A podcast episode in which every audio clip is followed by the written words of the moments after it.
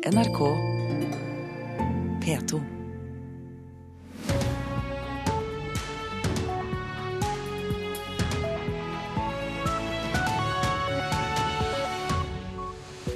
God morgen og velkommen til Nyhetsmorgen, der vi bl.a. skal eh, høre mer om at uh, tyrkiske jagerfly har gått til angrep mot IS-mål i Syria. Tre dansker er funnet omkommet i Sverige etter en kanoulykke på svensk side i Femundsmarka. Og jorden blir stadig varmere, men lar temperaturen seg senke. Dagens Næringslivs politiske redaktør Kjetil B. Alstheim kommer straks i studio for å belyse temaet.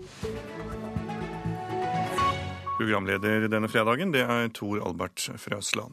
Som vi hørte i Dagsnytt, så har tyrkiske jagerfly angrepet IS-stillinger i Syria fra tyrkisk luftrom. Også i går skjøt uh, tyrkiske styrker mot IS-mål i Syria etter at en tyrkisk soldat ble drept og to såret i grenseområdet mellom de to landene.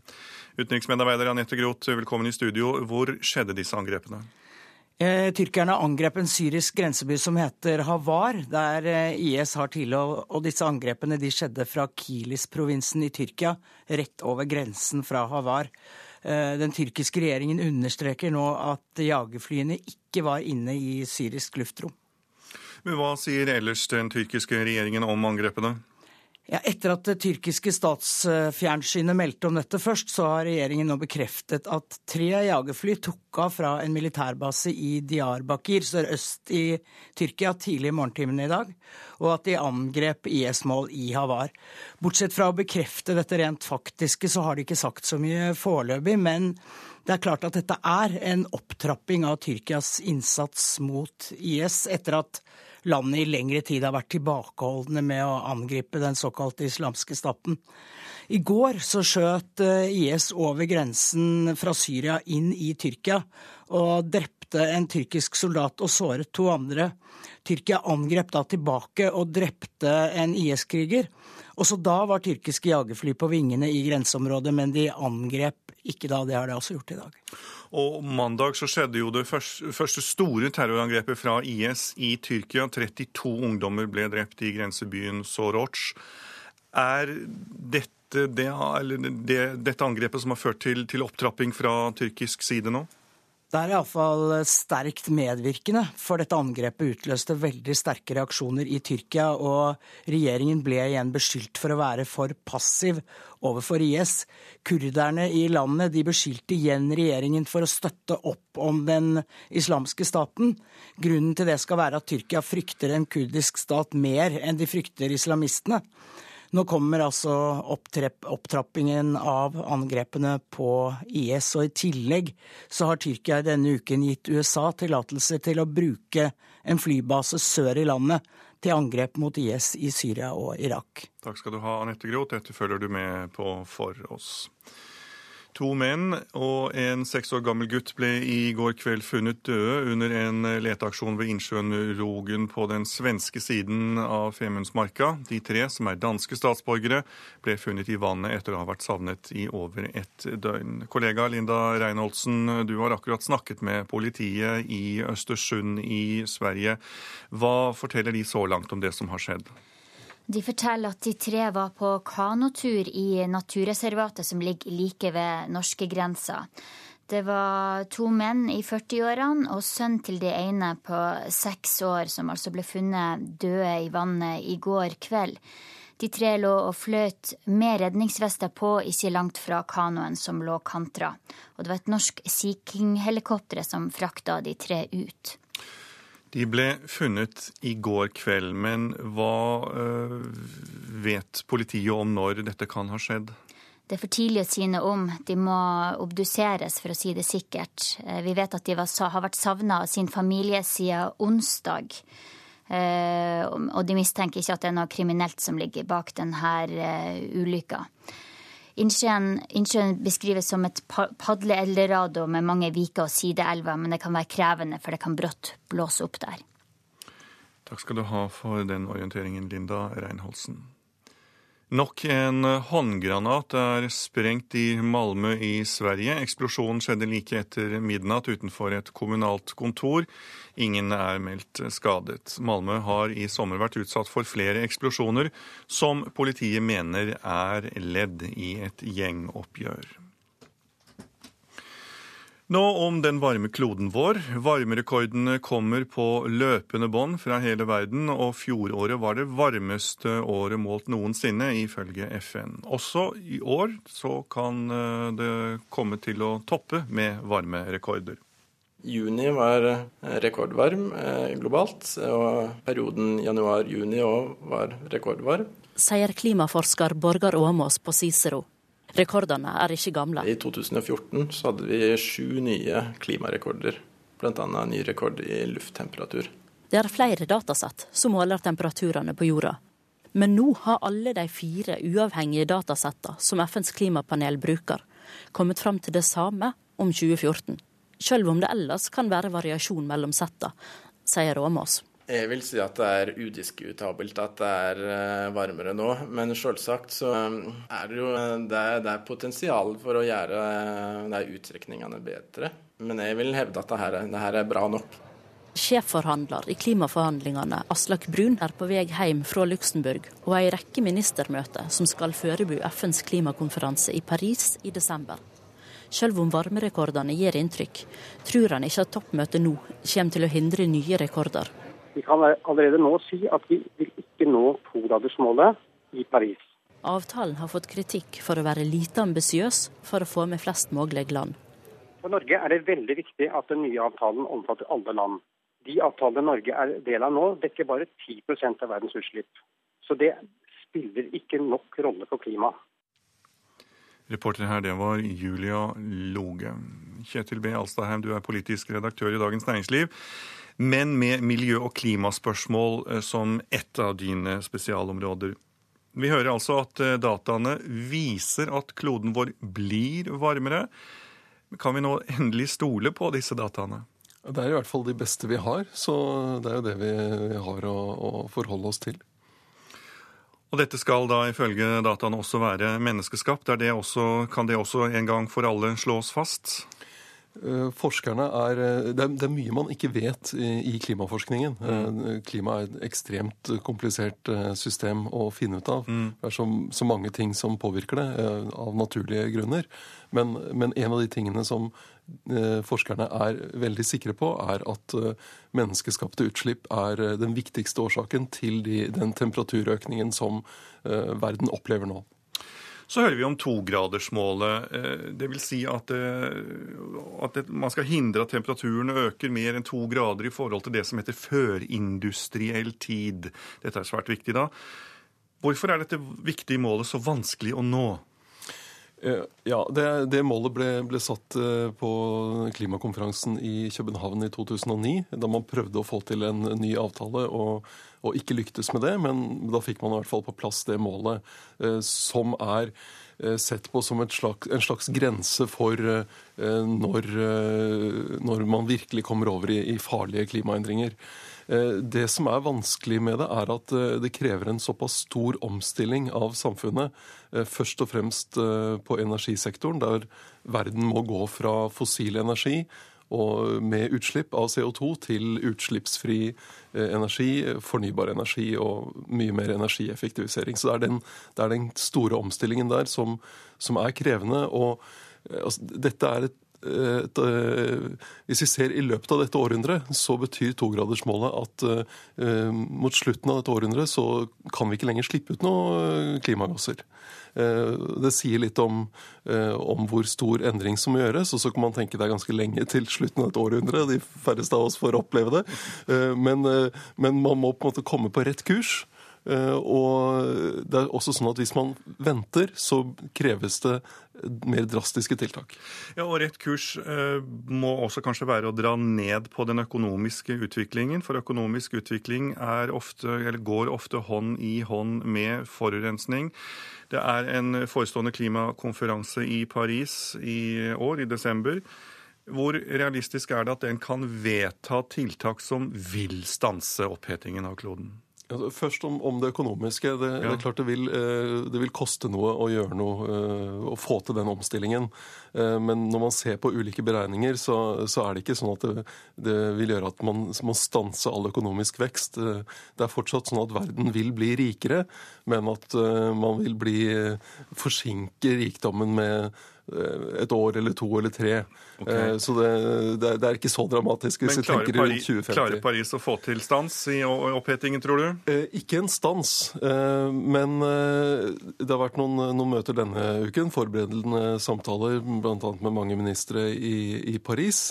Og det er noen positive signaler om at man kan få til en avtale med en del klimaambisjoner fra de ulike landene når man summerer sammen det landene eh, vil, er villige til å påta seg av klimamål nå, så er ikke det nok til å være på rett kurs for å holde togradersmålet, men det er en bedring. Og det som er viktig, er, en, eh, er, viktig er å få en avtale i Paris som, som lager et system der, man, der landene kommer tilbake. Det man snakker om nå, er f.eks. hvert femte år for å revidere målene. Eh, og det som er viktig med det, er at man får gitt et, også at man får gitt et signal til næringsliv og investorer om at det er den kursen verden eh, kommer til å ta. Takk skal du ha, Kjetil B. Alsaheim. Du er eh, politisk redaktør i Dagens Næringsliv. Nå til elsykkelsalget her til lands. Det vokser i enorm fart. De siste tre årene har salget økt med nesten 150 og bransjen selv er overrasket over sykkelens økte popularitet. På Storo i Oslo der er Sverre Brubekk på jakt etter et elektrisk dytt i de lengste oppoverbakkene. Ja, Er du kanskje interessert i elsykler? Ja, eh, på jakt etter en eh, fraktesykkel. Vi nordmenn har blitt gira på elsykler. Med en liten elmotor på laget blir tidligere marerittbakker til en drøm på sykkelsettet. På Storo i Oslo har Sverre Brubekk sett seg ut en grønn doning med lasteplan, som selges hos sykkelbutikken Evo elsykkel. Flytta til litt brattere del av Oslo nå. Kan det være greit med motor.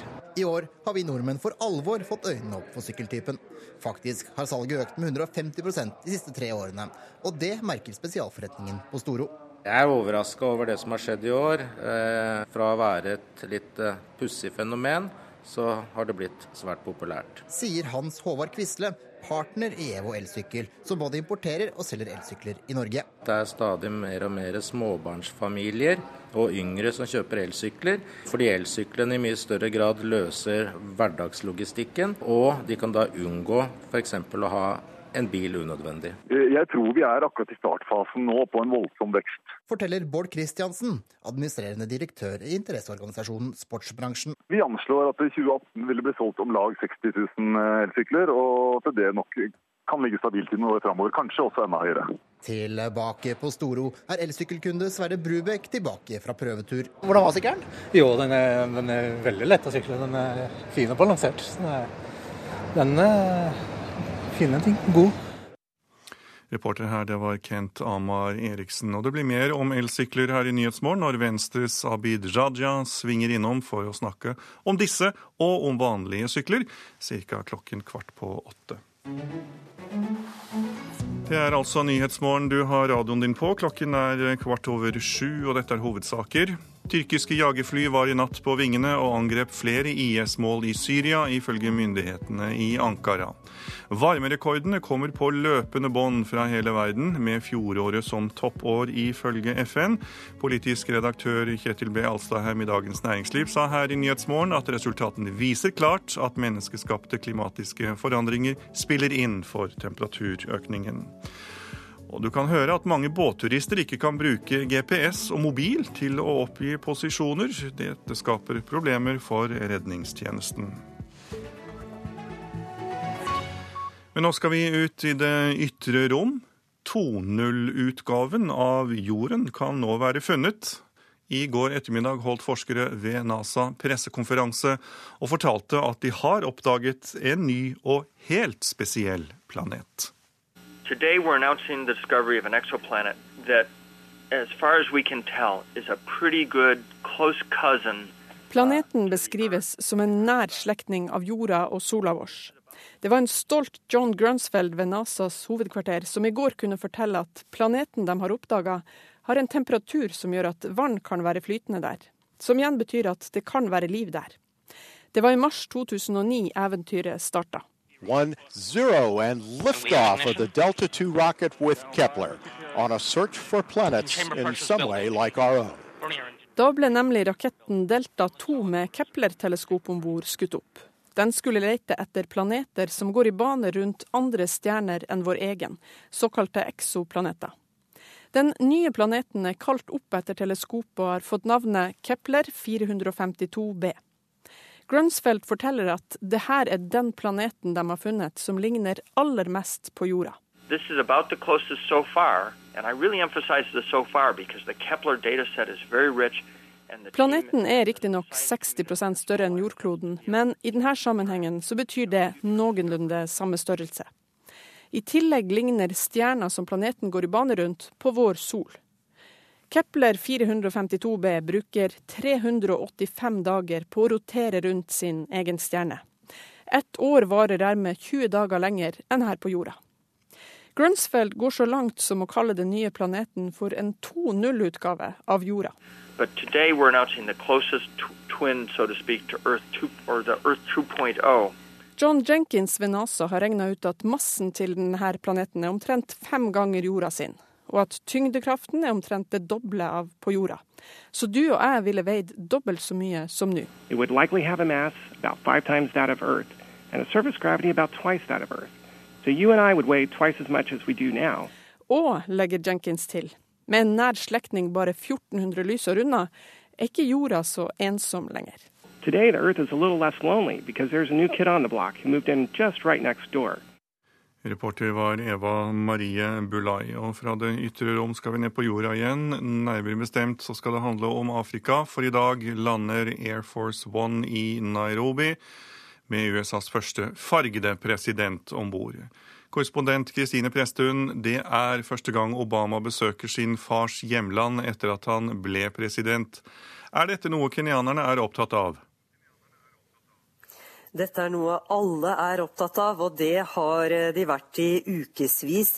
Og sterkest er jo denne følelsen av å få besøk av verdens mektigste mann, og vite at han er en av oss.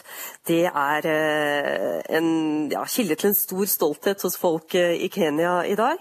Og det er jo skyhøye forventninger. Mange håper at besøket skal gi ny giv til turismen, føre til økt anerkjennelse for landet og åpne dører for for investorer. Og Nairobis gater tror jeg aldri har vært så rene og vakkert eh, beplantet. Og landsbyen der farene til Obama kommer fra, og der han ligger begravet, den står selvsagt eh, på hodet.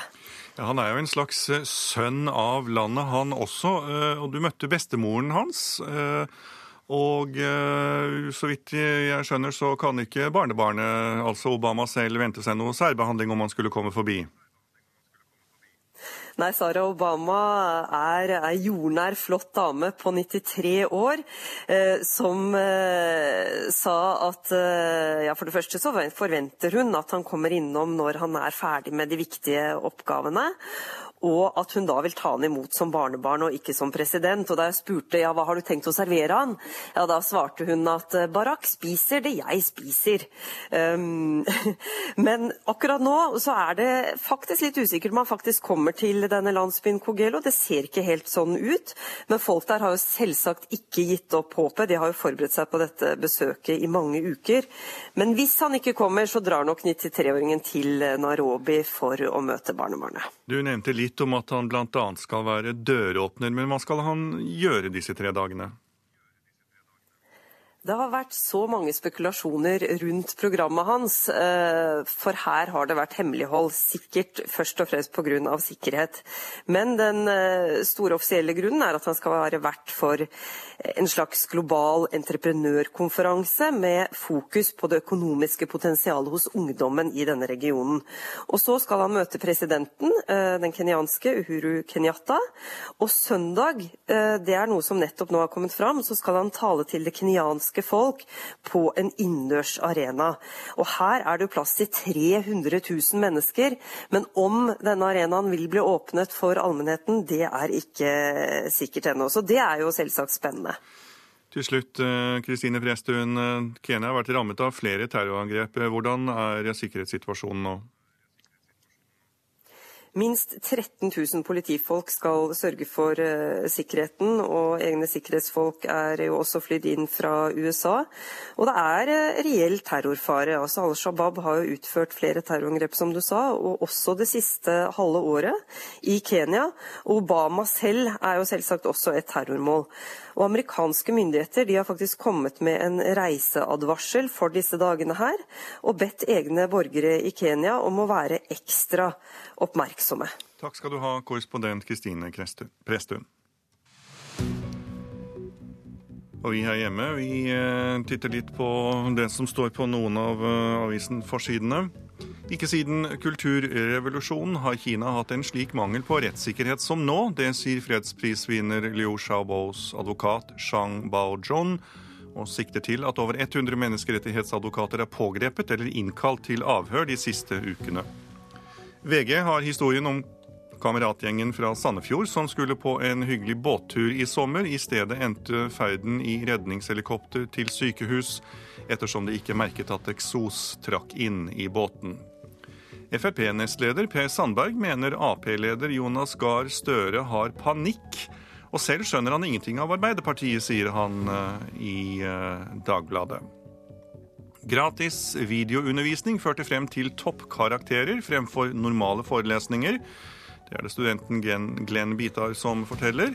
Nå lanseres en norsk versjon av denne videoundervisningen, ifølge Dagens Næringsliv. Etter høstens valg risikerer hver tiende Oslo-beboer at bydelen de bor i ikke er representert i bystyret. Det kommer frem i en måling i Dagsavisen. DNB Liv endrer pensjonsavtalen uten å varsle kundene. Kundene selv må protestere, sier banken i Finansavisen. Venstresiden i Europa har sviktet. Eh, det hevder leder i tankesmien Agenda, Marte Gerhardsen, til Klassekampen, og hun etterlyser en ny krisepolitikk. Fiskeoljeprodukter merket 'naturell' og 'uten kjemikalier' er trukket fra markedet etter at det er funnet for mye kreftfremkallende stoffer i oljen. Det skriver Nasjonen. Og Bergen er en sinke når det gjelder planlegging, det slår Bergenstidene fast, og sikter til at det i gjennomsnitt tar over 900 dager å få godkjent private planforslag i byen. En gutt i Namsos ble mishandlet, og samtidig ble, ble dette filmet. Voldsforsker Ragnhild Bjørnebekk ved Politihøgskolen sier til Adresseavisen at volden minner om en tradisjon i Ku Klux Klan.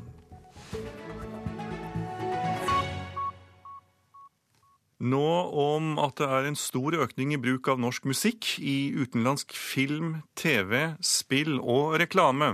For mange er dette en viktig inntektskilde. I helgen får en norsk artist debutlåten sin spilt i en stor amerikansk TV-serie.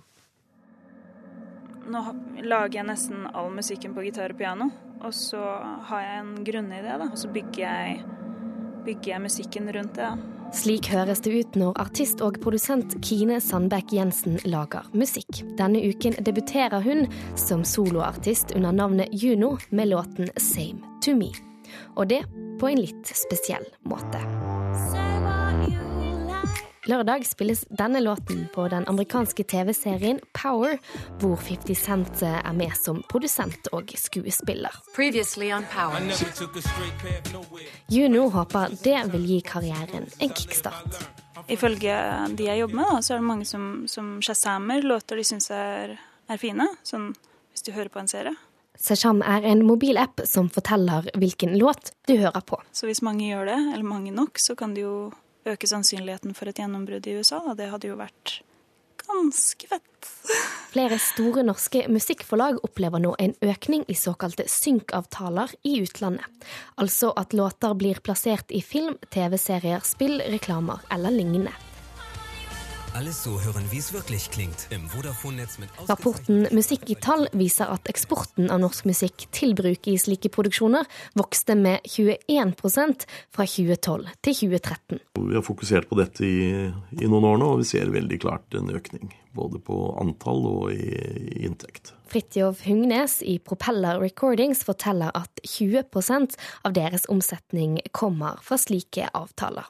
Selv har de flere nylige eksempler på gode avtaler med sine artister. Så har vi hatt en, en uh, synk for en, uh, en, reklame i Frankrike for en, en parfyme med Team Milk.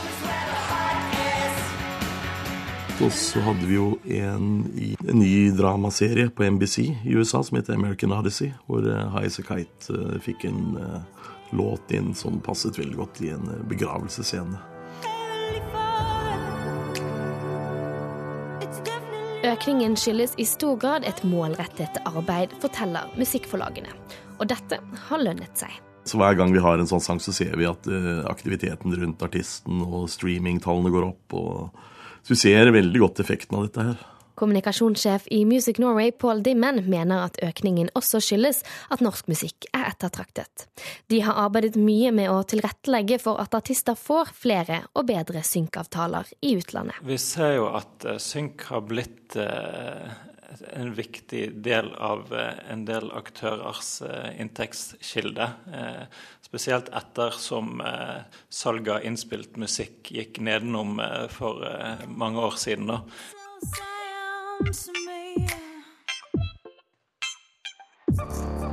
Effekten av eksponeringen er vanskelig å måle. Likevel er debutklare Juno veldig fornøyd med avtalen sin, og hva slags type scene låten er plassert i. Så er det en sexscene også. Da tenkte jeg nå har jeg gjort jobben min. Reporter var Marie Røsland. Og etter Dagsnytt skal du få høre at flesteparten av amerikanerne er glade for at USA og Cuba har gjenopprettet diplomatiske forbindelser. For første gang har tyrkiske jagerfly angrepet IS-stillinger i Syria. Tre er funnet døde nær veltet kano ved Femundsmarka. Og en ny gutt har flyttet inn i nabolaget vårt, sier astronomer etter funnet av ny jordlignende planet. Her er NRK Dagsnytt klokka 7.30. Tyrkiske jagerfly har i morgentimene angrepet IS-stillinger i Syria fra tyrkisk luftrom. Også i går skjøt tyrkiske styrker mot IS-mål i Syria etter at en tyrkisk soldat ble drept og to såret i grenseområdet mellom de to landene. Den tyrkiske regjeringen bekrefter at tre jagerfly tok av fra en militærbase i Diyarbakir sørøst i Tyrkia. De bombet IS-mål i den syriske grensebyen Havar. Dette er en klar opptrapping av Tyrkias innsats mot den islamske staten. Landet har i lengre tid vært beskyldt for å være for passivt mot IS. Blant annet har de vært hardt presset fra USA. I går ga Tyrkia USA anledning til å bruke flybasen Insirlik til angrep mot IS i Syria og Irak, etter at presidentene Obama og Erdogan hadde en lengre telefonsamtale. Talsmannen for Det hvite hus, Josh Ernest, bekrefter at samarbeidet mellom Tyrkia og USA skal styrkes. Turkey's southern border uh, is a source of significant concern. Uroen langs Tyrkias sørlige grense er en grunn til bekymring, sier talsmannen Josh Ernest. Flyangrepene skjer få dager etter at IS gjennomførte sitt første store terrorangrep i Tyrkia. 32 ungdommer ble drept og rundt 100 såret da en selvmordsbomber slo til i grensebyen Soroc. Sa utenriksmedarbeider Anette Groth. To danske menn og den enes seksårige sønn er funnet døde i innsjøen Rågen på svensk side av grensa ved Femundsmarka. Linda Reinholdsen, du har eh, snakket med politiet i Østersund. Hva vet de så langt om hva som har skjedd? Det ser rett og slett ut som en tragisk ulykke. Den seks år gamle gutten og hans far og den tredje mann ble funnet flytende i det kalde vannet med redningsvestene på, like ved kanoen som hadde kantra. Leteaksjonen ble ledet av politiet i Østersund med hjelp av et norsk Sea King-helikopter som henta de tre døde ut i går kveld. Ja, de ble også funnet i går kveld, men vet vi noe om når dette har skjedd? Det sa operasjonsledelsen i Østersund at kun en obduksjon kan gi sikkert svar på. De tre hadde vært på tur i ei uke da de onsdag ble meldt savna. Rågen naturreservat er et vakkert og spennende område å padle i med mange sideelver, øyer og viker, men det kan også være farlig fordi det raskt kan blåse opp der uten forvarsel. Det har vært sterk vind, regn og kveldstemperatur i lufta nede i fem grader de siste dagene der. Takk til Linda Reinholdsen. Flere hundre mennesker mistet familieminner og verdigjenstander for millioner av kroner i brannen i Tønsberg i går. Det ryker fortsatt fra ruinene, og brannsjef Per Olav Pettersen ber folk som bor i nærheten om fortsatt å holde vinduene stengt. Ja, Vi bør nok være litt forsiktige foreløpig, for jeg ser det ligger litt røyk eh, om, rundt i området her. Den sorte røyken fra Saba-bygget var synlig på lang avstand da brannen sto på som verst i går ettermiddag. Også ved midnatt sto flammene til værs, men brannsjef i Vestfold interkommunale brannvern, Per Olav Pettersen, sier at de nå har kontroll og driver med etterslukking. Ja, Det ryker fremdeles eh, litt av ruinene her. Det er ikke noe flammer igjen i ruinene. Men det er nok noe varme innimellom. Eh, det har jo rast sammen dette her, og det kan nok hende det er noe varme innimellom. Vi har pøst eh, på med vann i hele natt, holdt på her i hele natt. Og vi fremdeles så pøser vi på med vann inn i ruinene. Men det har roet seg helt ned, så nå begynner, det, begynner vi å se på dette her, i hvert fall. 450 personer hadde lagerplass og oppbevarte møbler, fotoalbum og private gjenstander i lokalene. I tillegg hadde rundt 70 bedrifter kontorer i bygget. Det meste har nå gått tapt. Ja, det gjør veldig inntrykk, og særlig nå når sola kom og dagslyset kom, og se de ruinene som står her. Eh, se hvor eh, forvridd metallet er, og varmeutviklingen som har vært her. Eh, og ikke minst også hvor stort det har vært. Eh, gå rundt og se hele skadestedet nå, det gjør betydelig inntrykk. Reporter Kristina Nøyman. Sommeren har vært eh, kjølig i Norge, men varmerekordene kommer på løpende bånd fra hele verden ellers. 2014 var det varmeste året noensinne, målt ifølge FN. Og 2015 kommer trolig til å toppe alle varmerekorder. Juni var rekordvarm globalt, og perioden januar-juni òg var rekordvarm. Sier klimaforsker Borgar Åmås på Cicero. Rekordene er ikke gamle. I 2014 så hadde vi sju nye klimarekorder, bl.a. ny rekord i lufttemperatur.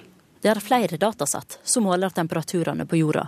Men nå har alle de fire uavhengige datasettene som FNs klimapanel bruker, kommet fram til det samme om 2014.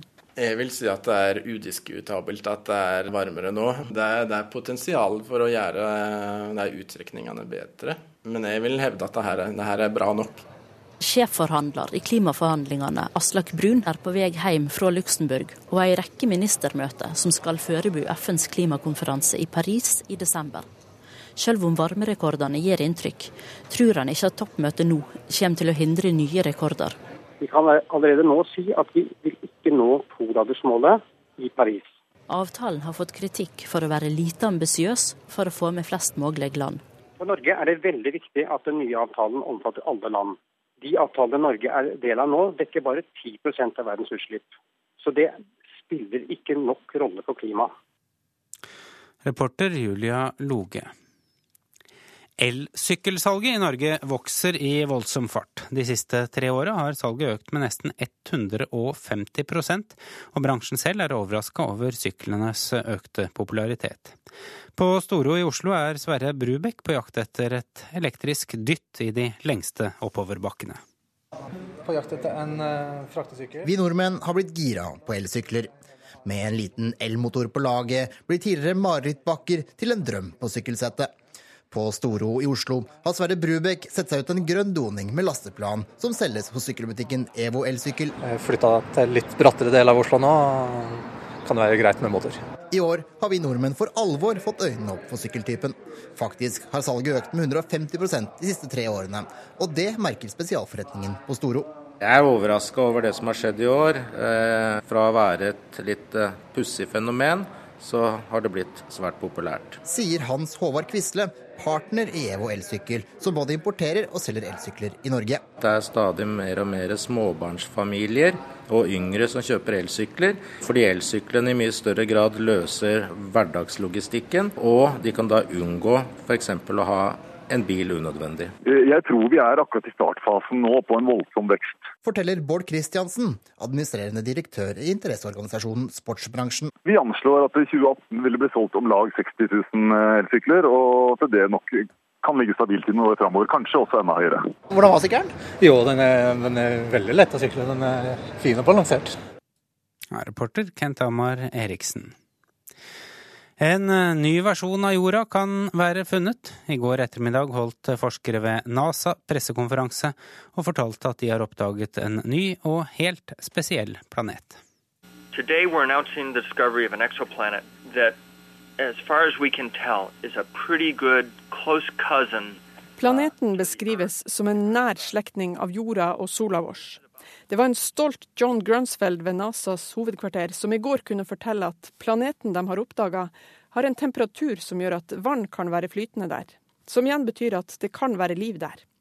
Det var i mars 2009 eventyret starta.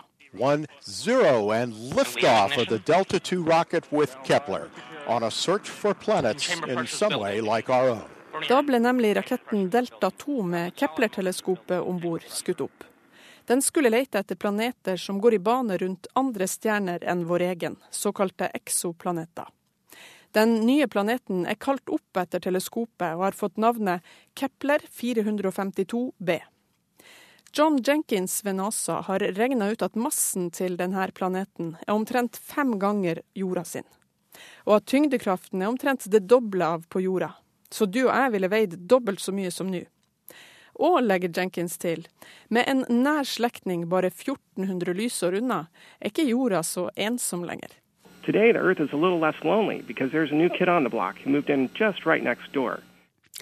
Reporter Eva Marie Bulai, ansvarlig for Dagsnytt Anne Skårseth, teknisk ansvarlig Marianne Myrhol, i studio Arild Svalbjørg. Og her i Nyhetsmorgen så skal vi høre at tre av fire amerikanere er glade for at USA har gjenopprettet de diplomatiske forbindelsene med Cuba. Det viser de siste meningsmålingene. Blant dem er cubanere som bor i USA og har ett ben i hvert land. De vil gjerne kunne reise fritt tilbake til landet de en gang flyttet fra.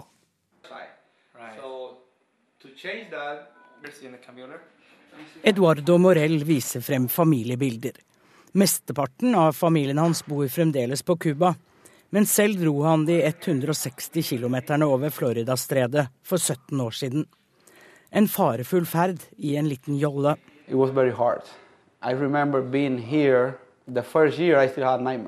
Det var en forferdelig tur. Det første året jeg var i USA, hadde jeg stadig mareritt om båtturen, sier Eduardo Morell. De fleste eksilcubanerne bor i Miami, og mange av dem har aldri vært tilbake på Cuba etter at de flyktet. Så lenge Castro-brødrene har makten, vil de ikke tilbake. Men Eduardo Morell, som i sin tid var ulovlig innvandrer, han tenker ikke slik. Han bor i Washington DC, arbeider i bygningsbransjen og har vært tilbake på Cuba flere ganger. Der har han blitt dårlig behandlet av myndighetene, men han forteller om helt andre opplevelser nå. All the other time I went to Cuba, I felt bad because of the treatment. But the last, the last two times we went to Cuba were a lot better, but the last one was amazing. De to siste gangene på Cuba har det vært en helt annen holdning fra cubanske myndigheter, sier Eduardo Morell. Han kunne reise fritt rundt, ble møtt av smilende cubanere og hadde frihet til å reise til Den dominikanske republikk også. Det må være pga. oppmykingen i forholdet mellom Cuba og USA som ble kunngjort allerede i desember i fjor, mener Eduardo Morell. Det blir altså lettere for amerikanere å reise til Cuba. Før har de reist via andre land, som Mexico. Og det skal bli lettere for cubanere å reise til USA. Eduardos slektninger har hatt problemer med å få visum til USA, men nå løsner det. My wife niece is coming. She was granted a five-year visa. She's 10 years old. We're happy about it. Min kones niese kommer nå fra Cuba. Hun er ti år gammel og har fått visum for fem år, forteller Eduardo som måtte til Florida for å hente henne.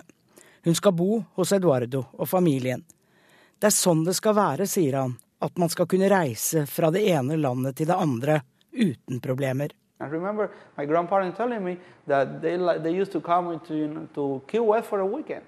Have, uh, go to a restaurant and then go back to Cuba. That's what I'm expecting. That's, what I, that's the way it's supposed to be. Før revolusjonen på Cuba i 1959 reiste mine besteforeldre på helgebesøk til Key West i Florida, gikk på restaurant og hygget seg, og så dro de tilbake igjen til Cuba, sier Eduardo Morell. I elleve år har han jobbet for et bygningsfirma i Washington nå drømmer han om å starte sitt eget selskap. I will go Cuba to Cuba and start a company, a construction company, and build houses over there. I, I remember one day I was in Chicago, like like a year ago, with my, my boss, the owner of the company I work for, and he asked me if I was if, if I was thinking about it. Jeg vil dra til Cuba og bygge hus der, sier Eduardo Morell. Det var sjefen i bygningsfirmaet han arbeider i som satte ham på ideen. Men USAs handelsblokade av Cuba kan være en hindring. Men hvis den blir opphevet, er Eduardo klar til å bygge hus i landet han flyktet fra for 17 år siden. Yeah, why not? Reporter var Anette Groth. Klokken nærmer seg 7.45. Det er Nyhetsmorgen i NRK P2 og Alltid nyheter du hører på, og her er hovedsakene våre. Tyrkiske jagerfly gikk på vingene i natt og angrep flere IS-mål i Syria, ifølge tyrkiske myndigheter. Varmerekorden kommer på løpende bånd fra hele verden, og fjoråret var det varmeste året målt noensinne, ifølge FN. Klimatoppmøtet i Paris i år kommer neppe til å bli enige om å stoppe utviklingen. Det sa Kjetil B. Alstaheim, politisk redaktør i Dagens Næringsliv da han var hos oss her i Nyhetsmorgen. Og elsykkelsalget skyter enorm fart i Norge. Bransjen selv er overrasket over omfanget. Og straks får du møte Venstres Abid Raja, som sverger til sykkel, men da uten elkraft. Lene Miriam Sandberg stiller som ordførerkandidat for Fremskrittspartiet i Lenvik kommune i Troms. Hun er fylkesråd og tilhenger av fylkeskommuner i et parti som ikke vil ha det. Og lokalt har halvparten av kommunestyrerepresentantene til Fremskrittspartiet gått ut av partiet i denne perioden. Men med nye medlemmer håper Sandberg likevel å få makt til å satse på oppvekstmiljø og eldreomsorg i Lenvik.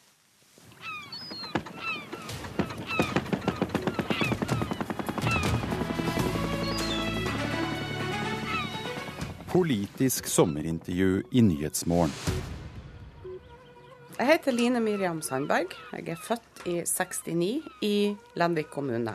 Der er jeg nå ordførerkandidat. Lenvik kommune er den tredje største kommunen i Troms. Den har fjord, fjell og fantastisk natur som gir oss muligheter både til friluftsliv og aktivitet nært der vi bor, og masse gode ressurser å by på. Og hvorfor vil du bli ordfører? Rett og slett fordi at jeg tror at uh, vi trenger litt uh, fornying og endring i kommunen. Uh, og en av de tingene som vi kanskje virkelig trenger, det er kvinnehånd ved rattet. Hvis du får makt, hva er det viktigste du vil gjennomføre? Veldig ofte så eh, er vi politikere opptatt av eh, vekst og verdiskaping. Det er liksom et ord som eh, blir brukt i veldig mange setninger, og det er viktig. Men bak vekst og verdiskaping så ligger det folk og ressurser til grunn via det menneskelige. For meg så kommer det til å være høy prioritet i mitt virke som politiker i Lenvik å sette folk først. Vi må ta vare på de eldre. Vi må sørge for at barn og ungdom har en god oppvekst. Vi må gi de eldre en verdig eldreomsorg. Og det er en av de viktigste tingene jeg vil jobbe for i Lenvik. Hva er sentrale stridsspørsmål i din kommune? Ja, det tror jeg er mange. Det har, det har vært ganske mye uro i Lenvik politikken eh, i de siste årene. Jeg har jo ikke vært en del av kommunestyret de siste fire årene, men jeg eh, bor jo der og observerer hva som skjer. Og det er mm, alt fra sentrumsplanlegging til eiendomsskatt. Eh, til avfallshåndtering, store og små ting. Og jeg tror at det som må settes fokus på nå fremover, det er at man jobber sammen tverrpolitisk eh, med å bygge bruer i saker for å få de best mulige løsningene. Og eh, ja, få roa ned gemyttene litt og heller jobbe i lag. Når det gjelder støynivået, så ser jeg at dere i siste periode mista halvparten av kommunestyrerepresentantene. De gikk over til Høyre eller ut av partiet. Hva skjedde? Nei, Det er vel sånn som så det har vært litt sånn jevnt over hele landet, og er ikke unikt for uh, Lenvik Frp. Så det tar med knusende ro. Folk kan endre mening underveis. og uh, Dessverre så mister man noen, og så får man noen. Og så uh, går man videre. Hva tror du det gjør med oppslutninga ved valget nå at en profilert lokalpolitiker som Louis Edvardsen har gått over til Høyre?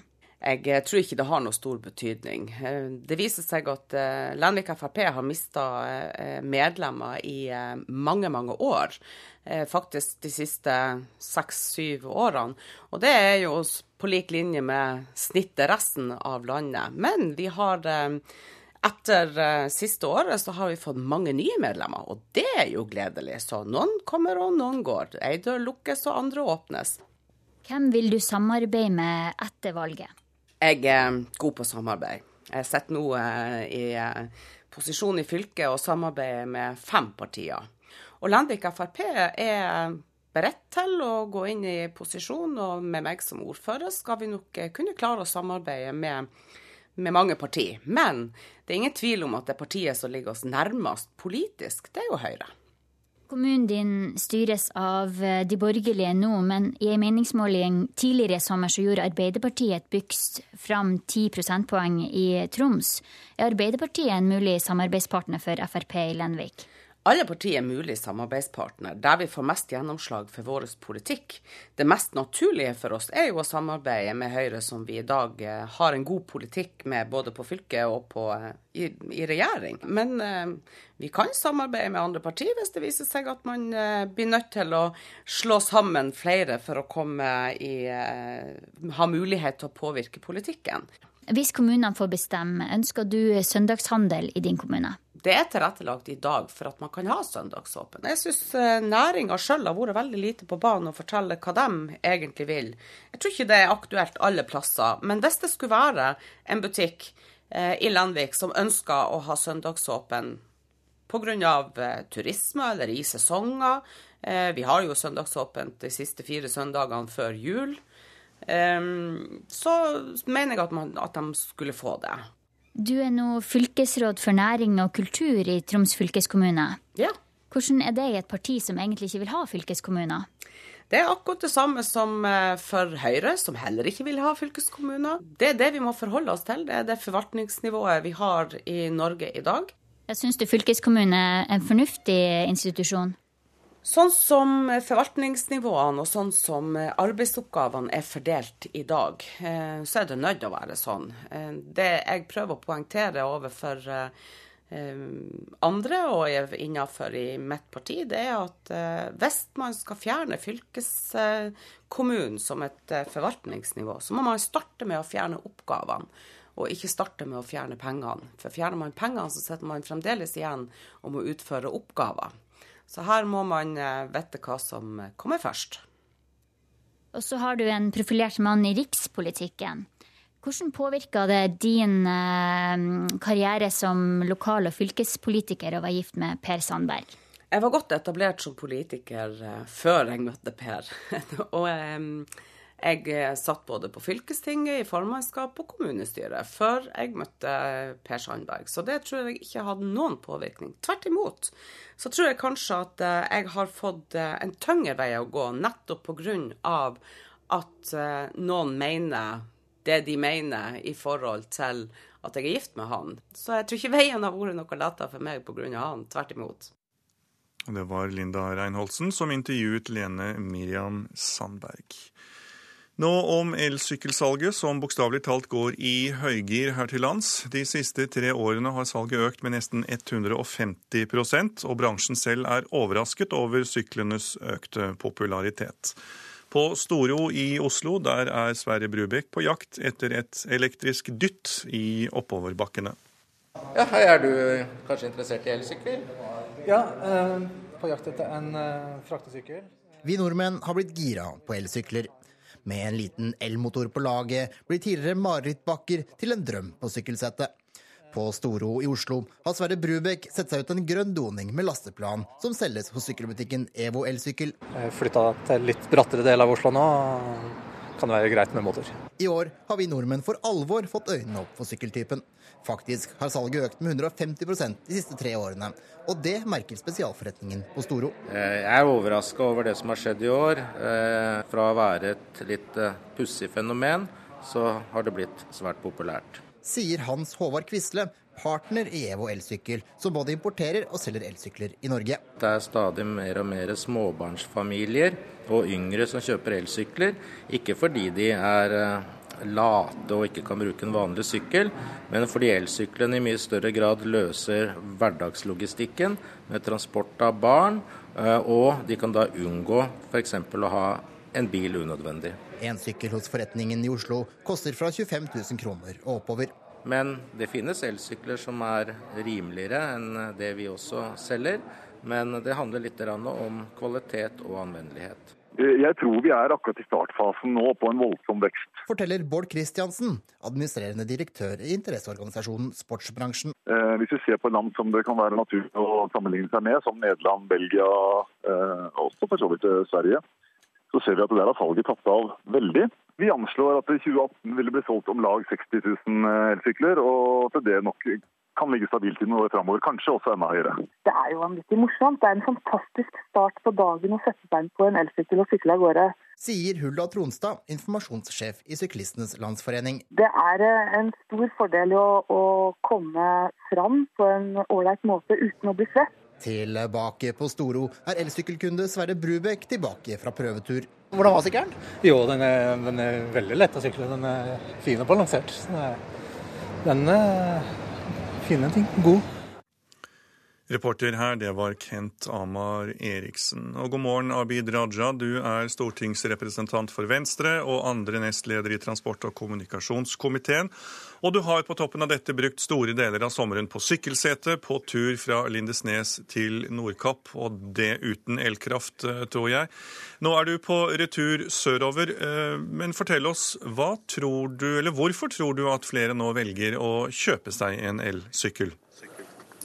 Jeg tror veldig mange ønsker å sykle. Eh, jeg har jo eh, på turen min fra Lindesnes til Nordkapp, eh, på vanlig sykkel altså, møtt hele 60 sykkelklubber som har vært hjelperyttere og vist vei, og vært sosiale samtalepartnere. Og de har pratet mye om sykkel til meg. Og jeg har blitt veldig oppmerksom på at veldig mange nordmenn ønsker å sykle. Veldig mange bruker sykkel som treningsapparat. Det er normalt organisert i altså syklistenes De er med i Sykkelforbundet. Eh, og, og løser ut en engangslisens, men det er langt flere nordmenn som nå ønsker å bruke sykkel som transportmiddel til og fra arbeid, skole, nærbutikken osv. Er Norge tilrettelagt for dette, da? Jo, det er både og. Eh, det ene er at eh, tidligere så var elsyklene veldig dyre og litt nye i bruk, så man var litt skeptisk til bruken av det. Og man følte kanskje at det var litt kleint at man skulle bruke da en elsykkel. At man fremsto ikke like barsk som ellers. Men jeg tror det har gått opp for folk at eh, det handler om å komme seg praktisk til og fra jobb. Og elsykkelen gjør at du slipper det der svette tøyet. Du slipper å tenke på bakkene, og hvermannsen kan faktisk bruke sykkel. Og selv de som er i god form, bruker veldig ofte elsykkel eh, som transportmiddel til og fra jobb, fordi det er veldig praktisk. Så skal Abid Rajas elbil nå byttes ut med en elsykkel, er det det du eh, kommer og sier også? Ja, altså Mange vil nok kunne bruke elsykkel framfor både elbil, men også først og fremst vanlig bil. Eh, men så vil det også være de som bruker vanlig sykkel. Men hvis du skal få flere til å sykle, så handler det om det er det jeg har lært gjennom Lindesnes Nordkapp-turen, er at du må ha sammenhengende sykkeltraseer. I Norge så bygger vi for lite sammenhengende sykkeltraseer. De er oppstykket og delt. Du må uh, gå over en bilvei. Uh, det kommer farlige situasjoner. Det er uavklarte um, regler når det gjelder vikeplikt når en bilvei krysser en sykkelvei. Og så bygger vi litt fremdeles etter en gammel, en gammel måte. Vi bygger gang- og sykkelvei sammen. Og Det gjør at syklister som holder en høy fart, og det får du ofte i en, også en elsykkel, utgangspunktet ikke kan sykle på den veien fordi farten er for høy. Nå nevner du mye komme... her, eh, Raja. Danmark ja. og Nederland er jo begge drømmeland å sykle i, eh, sett med våre øyne. Så hva er det de klarer som, eh, som vi ikke får til? Du nevnte jo litt angående infrastruktur. Ja, Det de først og fremst eh, har klart, da, det er jo at man har helt atskilte sykkelveier. At man har sykkelveier som er kun for syklistene. At de er sammenhengende. Sammenhengende vil si at når du kommer inn på sykkelveien, så kan du sykle veldig mange kilometer før du blir avbrutt. eller altså utgangspunktet så skal du sykle lange traseer til og fra jobb uten at du kommer i kollisjon med bilen overhodet. Det gjør at det blir veldig mye tryggere for nye syklister å komme inn. De erfarne syklistene Raja. Takk skal ja, du ha. Det holder. Yes. Da skal vi eh, kikke på dagens vær. Fjell i Sør-Norge får regnbyger, vesentlig i nord og vest. I sørlige områder stort sett opphold og perioder med sol. Østlandet fra i ettermiddag sørvest liten kuling på kysten. Regnbyger. Fra i ettermiddag mulighet for lokal torden. I Vestfold og Østfold få byger og lange perioder med sol. Telemark får fra i ettermiddag sørvestlig periodevis liten kuling på kysten. Oppholdsvær og perioder med sol. Agder. Fra i ettermiddag sørvestlig liten kuling på kysten. Lett skyet oppholdsvær, men lengst vest noe mer skyet, og fra i ettermiddag kan hende spredte regnbyger. Rogaland oppholdsvær og perioder med sol. Fra i ettermiddag sørvest opp i frisk bris og noen regnbyger. Hordaland og Sogn og Fjordane spredte regnbyger, perioder med sol. Økende bygeaktivitet i ettermiddag. Møre og Romsdal enkelte regnbyger og perioder med sol. Eh, I kveld eh, fortsatt enkelte regnbyger i indre strøk og ellers oppholdsvær. Trøndelag enkelte regnbyger, perioder med sol. Nordland i Vesterålen nordøstlig opp til liten kuling, perioder med regn, først i sør, senere også i nord. Troms på kysten nordøstlig opp til liten kuling. Ettermiddagsbyger i indre og sørlige strøk, ellers lett skyet pent vær. Finnmark får enkelte regnbyger på vidda og i Øst-Finnmark, ellers oppholdsvær og litt sol. Og på Spitsbergen blir det etter hvert regn og sludd, først i øst. Og her i Nyhetsmorgen skal vi straks til Tyrkia, som har gått til luftangrep mot IS i Syria. Du skal også få høre at enorme verdier gikk tapt i storbrannen i Tønsberg i går. Og det er en stor økning i bruk av norsk musikk i utenlandsk film, TV, spill og reklame. Programleder denne morgen det er Tor Albert Frøsland. Som vi hørte i Dagsnytt, så har tyrkiske fly angrepet IS-stillinger i Syria fra tyrkisk luftrom. Også i går skjøt tyrkiske styrker mot IS-mål i Syria etter at en tyrkisk soldat ble drept og to såret i grenseområdet mellom de to landene. Og korrespondent Kristin Solberg, du er i grenseområdet. Hvor skjedde disse nye angrepene? Ja, Det skjedde i Havar i Syria, like over grensen fra den tyrkiske Kilis-provinsen. Der har IS lenge vært aktive og sterke. Tyrkias statsministers kontor sier at det var tre fly som angrep tre mål i Havar. De skal ha slått til mot to IS-hovedkvarter og et såkalt møtepunkt for IS, eh, sier statsministerens kontor. Dette at eh, flyet går på vingene er jo en eh, opptrapping sett eh, fra Tyrkias side i innsatsen mot IS. Hvorfor skjer dette nå? Ja, Dette er jo en betydelig opptrapping fra Tyrkias side. og Det skjedde etter gårsdagen, da en tyrkisk soldat ble drept og to andre såret i skuddvekslinger med IS over grensen til Syria. Så kommer det også like etter at en bombe tok livet av 32 unge mennesker i Soruch, i grensebyen Soruch mandag. Det er et angrep som eh, myndighetene sier IS sto bak. og Hvis det stemmer at IS sto bak det, så er det IS første i Tyrkia. Eh, og det er en betydelig opptrapping fra IS side. En ting er å bruke militær makt, men er det også noe på, på andre områder, jeg tenker eventuelt diplomatisk, som Syria kan sette inn mot IS? Ja, Tyrkia har nå, eh, etter flere måneders forhandlinger og mye nøling, gitt USA tillatelse til å bruke flyplassen Ingerlik til flyangrep mot, mål, eh, mot IS-mål i Syria og Irak. Det har USA lenge ønsket, men Tyrkia har vært nølende og sier at de ikke vil bli mer aktive i krigen mot IS før man har en helhetlig strategi for Syria. En strategi som de mener bør inkludere at Assad blir presset til å gå av. Det har de sagt at det er nødvendig før de involverer seg mer, men nå ser det altså ut til at de likevel tar opp kampen. I dette grenseområdet hvor det da er eh, urolig nå, hvordan er stemningen der du er, eh, Kristin Solberg? Den er svært spent her i grenseområdene. Jeg var ved grensen til Kobani i går, den syriske byen Kobani. Den var stengt. Flyktninger fikk ikke lov til å komme inn, og det var en større militær tilstedeværelse der. Journalister fikk ikke lov til å filme. Samtidig så ble to politimenn drept i sine hjem i denne uken i en grenseby. Da var det PKK som tok på seg ansvaret og sa at dette var et svar på myndighetenes støtte til IS. Det er en urovekkende utvikling for den skjøre fredsprosessen prosessen mellom myndighetene og PKK. Samtidig så er det mange her i dette området som er svært sinte etter mandagens angrep, der 32 unge ble drept. Og det er mange som ikke bare klandrer IS for det angrepet, men også myndighetene. Og de mener myndighetene ikke har gjort nok for å stanse IS. Takk, korrespondent Kristin Solberg, med oss direkte fra grenseområdet mellom Tyrkia og Syria. I USA er tre personer bekreftet drept etter at en mann skjøt rundt seg inne på en kino i Louisiana.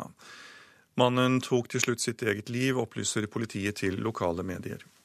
Ca. 20 minutter inn i en filmframvisning på en kino i byen Lafayette begynte dramaet. Vitner beskriver en middelaldrende hvit mann som reiste seg og begynte å skyte rundt seg. Han sa ingenting, og jeg hørte heller ingen andre skrike, sier et vitne, som mener hun hørte seks skudd ble løsnet. To personer ble drept, og ytterligere sju ble skadd, før mannen tok sitt eget liv, sier det lokale politiet. To voksne menn og en seks år gammel gutt fra Danmark er funnet døde i et vann i Femundsmarka i grensetraktene mellom Norge og Sverige. De tre ble meldt savnet etter at de ikke kom tilbake som avtalt onsdag. Dansken ble funnet i det kalde vannet nær kanoen som var kantret. 21 000 kvadratmeter med lagerlokaler og kontorer gikk tapt i brannen i Tønsberg i Vestfold i går. Brannvesenet har nå kontroll og driver med etterslukking, og det er et trist syn, sier brannsjef Per Olav Pettersen. Ja, det gjør veldig inntrykk, og særlig nå når sola kom og dagslyset kom, og se de ruinene som står her. Eh, se hvor eh, forvridd metallet er, og varmeutviklingen som har vært der. Eh, og ikke minst også hvor stort det har vært. Gå rundt og se hele skadestedet nå, det gjør betydelig inntrykk. Den sorte røyken fra Saba-bygget var synlig på lang avstand da brannen sto på som verst i går ettermiddag.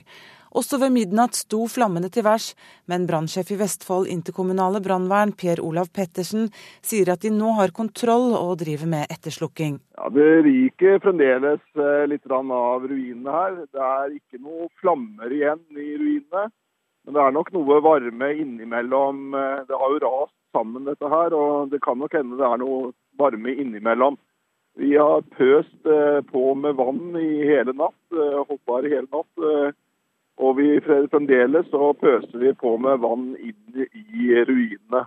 Men det har roet seg helt ned, så nå begynner, det, begynner vi å se enden på dette her, i hvert fall. 70 bedrifter hadde kontorer i bygget, forteller byggeier Christian Tveter. Det triste er alle arbeidsplassene på mye, en del småbedrifter, men også noen oppi en 20-30 eh, arbeidsplasser. Som eh, nå kontorene er borte. I tillegg huset lokalene 450 utleieboder med folks private gjenstander. Fotoalbum, arvegods og verdigjenstander for et ukjent millionbeløp har blitt flammenes rov. Jeg er bare litt eh, Det er bare trist. Håpet at vi kunne redde noen av de flotte lokalene. Det har også gått. Det har vært gradvis eh, ja, utvikling av sjokkomtrent i dette her. Ja. Det er trist. Fortsatt ryker det fra ruinene, og brannvesenet ber folk som bor i nærheten om å holde vinduene lukket noen timer til. Ja, Vi bør nok være litt forsiktige foreløpig, for jeg ser det ligger litt røyk om, rundt i området her. Men det er jo ikke i nærheten av hva det var tidligere. Reporter var Kristina Nøymann. Det er en stor økning i bruk av norsk musikk i både utenlandsk film, TV, spill og reklame. For mange er dette en viktig inntektskilde. I helgen får en norsk artist debutlåten sin spilt i en stor amerikansk TV-serie. Nå lager jeg nesten all musikken på gitar og piano, og så har jeg en grunnidé, da, og så bygger jeg, bygger jeg musikken rundt det. da. Slik høres det ut når artist og produsent Kine Sandbekk Jensen lager musikk. Denne uken debuterer hun som soloartist under navnet Juno med låten 'Same To Me'. Og det på en litt spesiell måte. Lørdag spilles denne låten på den amerikanske TV-serien Power, hvor 50 Cent er med som produsent og skuespiller. Juno håper det vil gi karrieren en kickstart. Ifølge de jeg jobber med, så er det mange som, som shazamer låter de syns er, er, fine. Sånn hvis du hører på en serie. Sesham er en mobilapp som forteller hvilken låt du hører på. Så hvis mange gjør det, eller mange nok, så kan du jo øke sannsynligheten for et gjennombrudd i USA, og det hadde jo vært ganske fett. Flere store norske musikkforlag opplever nå en økning i såkalte synkavtaler i utlandet. Altså at låter blir plassert i film, TV-serier, spill, reklamer eller lignende. Rapporten Musikk i tall viser at eksporten av norsk musikk til bruk i slike produksjoner vokste med 21% fra 2012 til 2013. Vi har fokusert på dette i, i noen år nå, og vi ser veldig klart en økning. Både på antall og i, inntekt. Fridtjof Hungnes i Propeller Recordings forteller at 20% av deres omsetning kommer fra slike avtaler. Selv har de flere nylige eksempler på gode avtaler med sine artister. Så har vi hatt en, en uh, synk for en, uh, en, reklame i Frankrike for en, en parfyme med Team Me. Og så hadde vi jo en, en ny dramaserie på NBC i USA som heter American Odyssey, hvor uh, Kite uh, fikk en uh, låt inn som passet veldig godt i en begravelsesscene. Økningen skyldes i stor grad et målrettet arbeid, forteller musikkforlagene. Og dette har lønnet seg. Så Hver gang vi har en sånn sang, så ser vi at aktiviteten rundt artisten og streamingtallene går opp. og så vi ser veldig godt effekten av dette her. Kommunikasjonssjef i Music Norway, Paul Dimmen, mener at økningen også skyldes at norsk musikk er ettertraktet. De har arbeidet mye med å tilrettelegge for at artister får flere og bedre synkavtaler i utlandet. Vi ser jo at eh, synk har blitt eh, en viktig del av eh, en del aktørers inntektskilde. Spesielt etter som eh, salget av innspilt musikk gikk nedenom eh, for eh, mange år siden.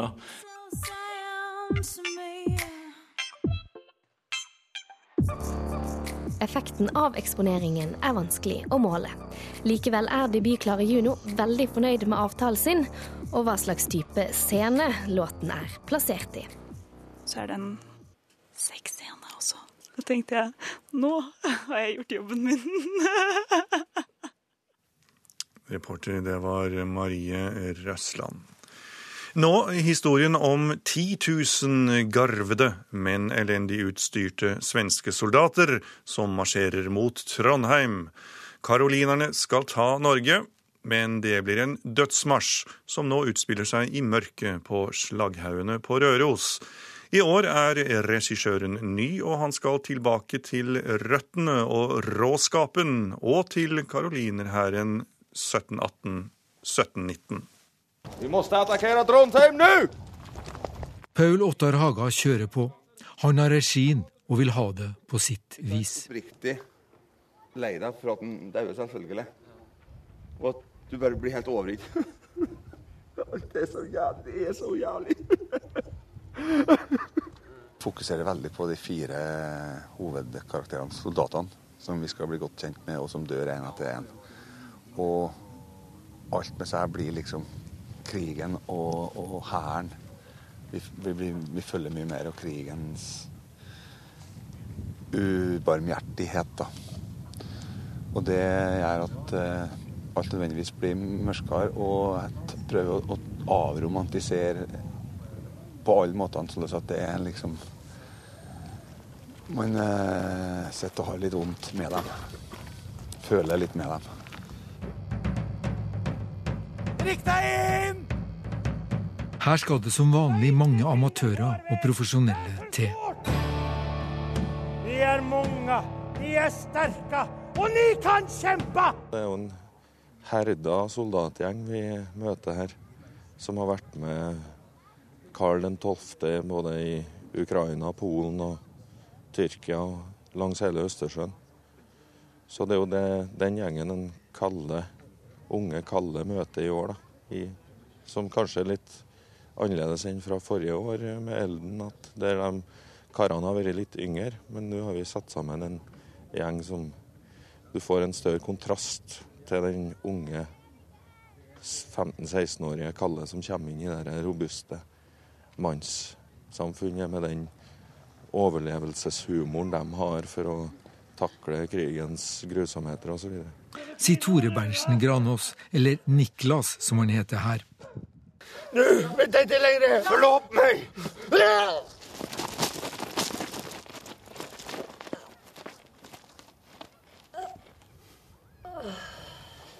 Man ser jo at det ikke er mye fred i verden. At det er folk som faktisk klarer å skape uro.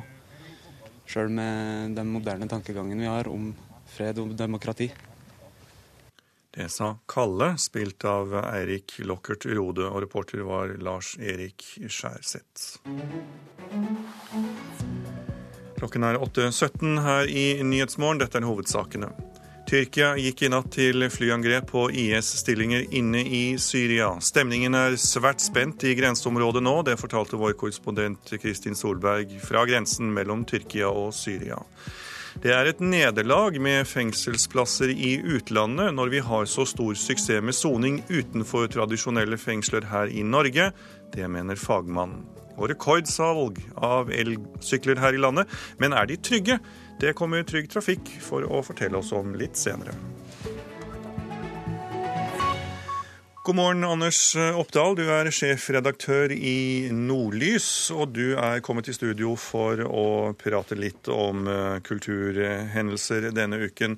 Først om eh, filmskaperen Ulrik Imtias Rolfsens feide med PST. Han har nå anket PSTs krav om å få se opptak han har gjort av en terrormistenkt til Høyesterett, men saksomkostningene det er han pålagt å betale selv. Det blir for drøyt, mener flere ytringsfrihetsorganisasjoner, som oppfordrer til kronerulling for å dekke denne saken. Anders Oppdal, er dette en god idé? Ja, det syns jeg. Eh, det her er en sak hvor det er en liten aktør. Det er en klassisk David mot Goliat-sak i et spørsmål av stor eh, allmenn betydning. Så, så, eh, det at man henvender seg til, eller til, foreslår å henvende seg til, til, til, allmennheten i en sånn sammenheng, det syns jeg er, er for så vidt et godt initiativ. Viktig av allmenn betydning, men den er også viktig for pressen. Hvorfor det? Altså, den saken her utfordrer rett og slett helt sentrale prinsipper i et åpent demokrati. Redaktøransvaret og kildevernet, som er uløselig knytta sammen, blir, blir utfordra. Eh, det påvirker rett og slett journalistikkens kår. Det er helt, for eksempel, da, så, så, er det åpenbart at det her kan bidra til å skremme en kilde fra å snakke med, med folk eh, eller med medier, altså enten store eller små. Altså, en kilde som kanskje sitter på informasjon, eller som du har et fortrolighetsforhold til kan ikke i samme grad som tidligere være trygg på at den journalisten eller den organisasjonen du snakker med, at det er bare den du snakker med, hvis PST vinner frem i den saken. her. Og det er klart at det kommer til å få konsekvenser, og på sikt så kan jo det faktisk bidra til en, til en mindre informert uh, offentlighet. Men uh, hvorfor skal Rolfsen eventuelt bidra til å muligens hindre terror i Norge? Er ikke det en uh, oppgave for myndighetene? Altså, jeg tenker at Til syvende og sist så handler den saken her om, om, prinsipper. Eh, og jeg er helt enig. Det er ikke Rolfsen sin jobb å, å hindre terror. Eh, det, det, er problematisert, flere som har problematisert akkurat den dimensjonen her, hans rolle og sånt. Og jeg tenker at det er en veldig spissformulering. Til syvende og sist så handler det akkurat den saken her isolert sett om å verdsette en fri og uavhengig presse. Og så, og så er jeg ganske sikker på at uh, Ulrik Rolfsen ikke ville forholdt seg passiv om han satt på opplysninger som en, utgjorde en akutt fare for andre menneskers liv. Så det tenker jeg om det. Dersom Høyesterett eh, skulle ende med samme konklusjon som eh, tingrett og lagmannsrett, hvordan blir da situasjonen for både medier og dokumentarister her til lands?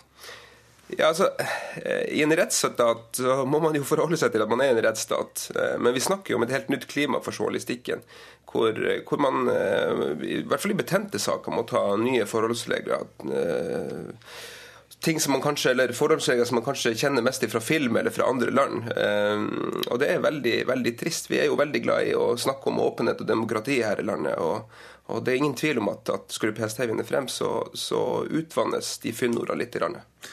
En annen sak denne uken, Anders Oppdal, det er Aune Sand, som skaper bølger i Sommer-Norge. For i går lanserte han sin erotiske roman 'Jordbærmus'.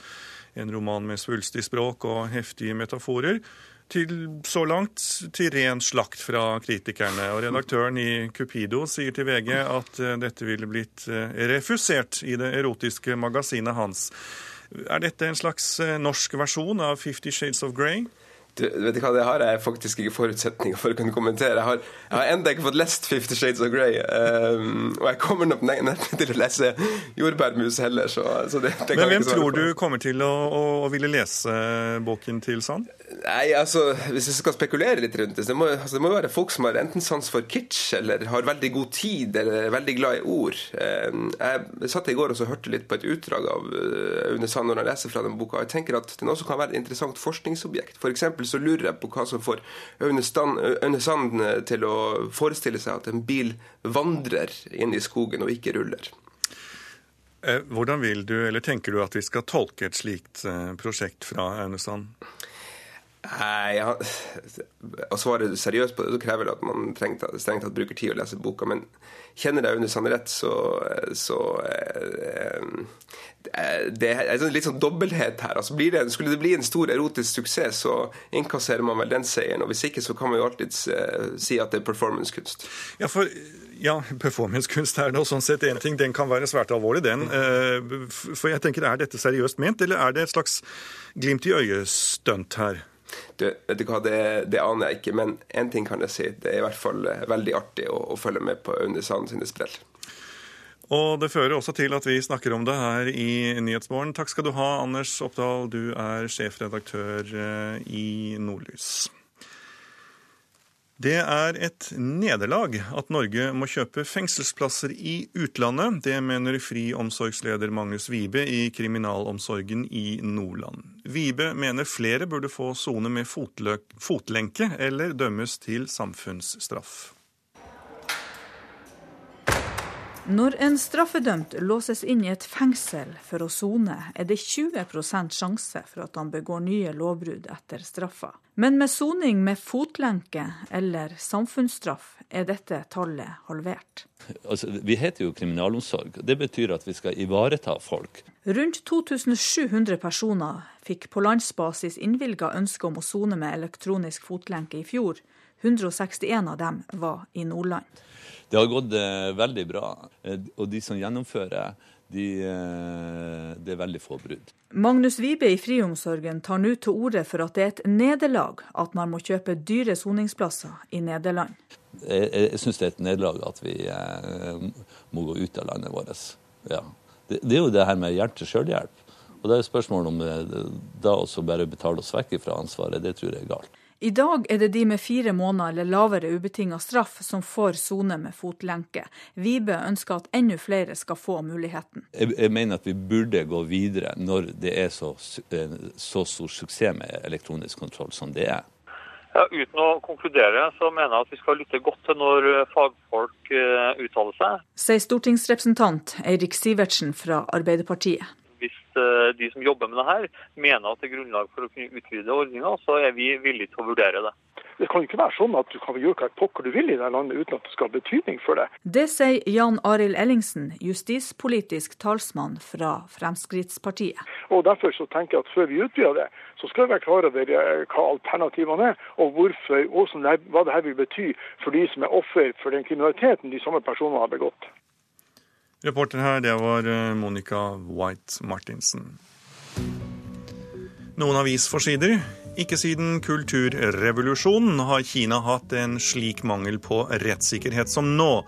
Det sier fredsprisvinner Liu Xiaobos advokat Shang Baojun, og sikter til at over 100 menneskerettighetsadvokater er pågrepet eller innkalt til avhør de siste ukene.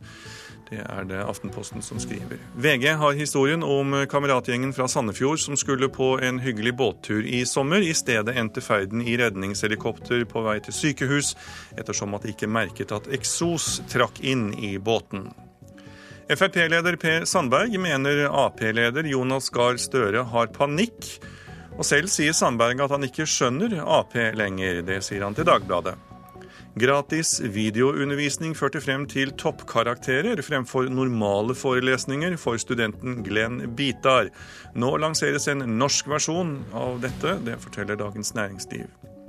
Etter høstens valg risikerer hver tiende Oslo-beboer at bydelen de bor i, ikke er representert i bystyret.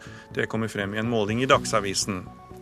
DNB Liv endrer pensjonsavtale uten å varsle kundene.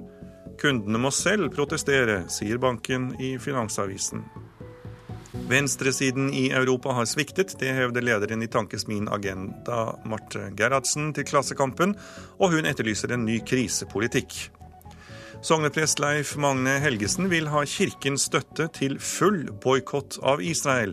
Helgesen er i sommer observatør i en palestinsk landsby som trues av utsletting, og han sier til Vårt Land at en boikott av israelske varer fra Vestbredden ikke er nok. Fiskeoljeproduktet merket naturell og uten kjemikalier er trukket fra markedet etter at det er funnet for mye kreftfremkallende stoffer i oljene. Det skriver Nasjonen. Det er ett år siden det ble slått terroralarm her i landet, og siden november i fjor har politiet båret våpen i tjenesten. I to tilfeller har politiet på Agder truet med våpen, skriver Fedrelandsvennen. Bergen er en sinke når det gjelder planlegging, det slår Bergens Tidende fast, og sikter til at det i gjennomsnitt tar over 900 dager å få godkjent private planforslag i byen. En gutt i Namsos ble mishandlet, og dette ble filmet. Voldsforsker Ragnhild Bjørnebekk ved Politihøgskolen sier til Adresseavisen at volden minner om en tradisjon i Ku Klux Klan. Sport nå. Både Rosenborg og Odd tok seg enkelt videre til den tredje kvalifiseringsrunden i Europaligaen i, Europa i går, etter 3-0 og 2-0-seire. For Strømsgodset var det litt verre. De tapte 1-0. Men det holdt til å gå videre på hengende håret. Det er sjelden tap smaker så godt som akkurat nå. For det ble 1-0-tap på Strømsgodset hjemme mot tsjekkiske Mlada Boleslav. Likevel tok de seg videre til tredje runde i Europaligaen pga. en sterk borteseier i Tsjekkia forrige uke. Jeg er stolt. Jeg er så stolt av laget, stolt av klubben, stolt av gutta. alle legger ned maks innsats. Og vi møter et godt lag. Vi er heldige som slår de der nede. Og nå ser vi her hvor gode de egentlig er. Og i perioder så henger vi ikke med, men allikevel klarer vi å dra ut de kreftene vi trenger for å gå videre. Det sier Strømsgodset-trener Bjørn Petter Ingebretsen. Iver Fossum var også meget fornøyd med seier, til tross for litt ustabilt spill. Jeg syns uh, første gang ikke var helt, uh, helt topp. Da, var, uh, da ble vi liggende litt langt bak, og dem, var gode. Men så klarte vi å løfte oss litt i andre gang og føler vi egentlig kjører over dem en liten periode her. Så det er bare og synd vi ikke får scoring og klarer å drepe kampen helt, men ja, vi går videre, så er vi fornøyde. Peter Kovac har spilt sin siste kamp i godsetrøya og er klar for Sarpsborg 08 resten av sesongen.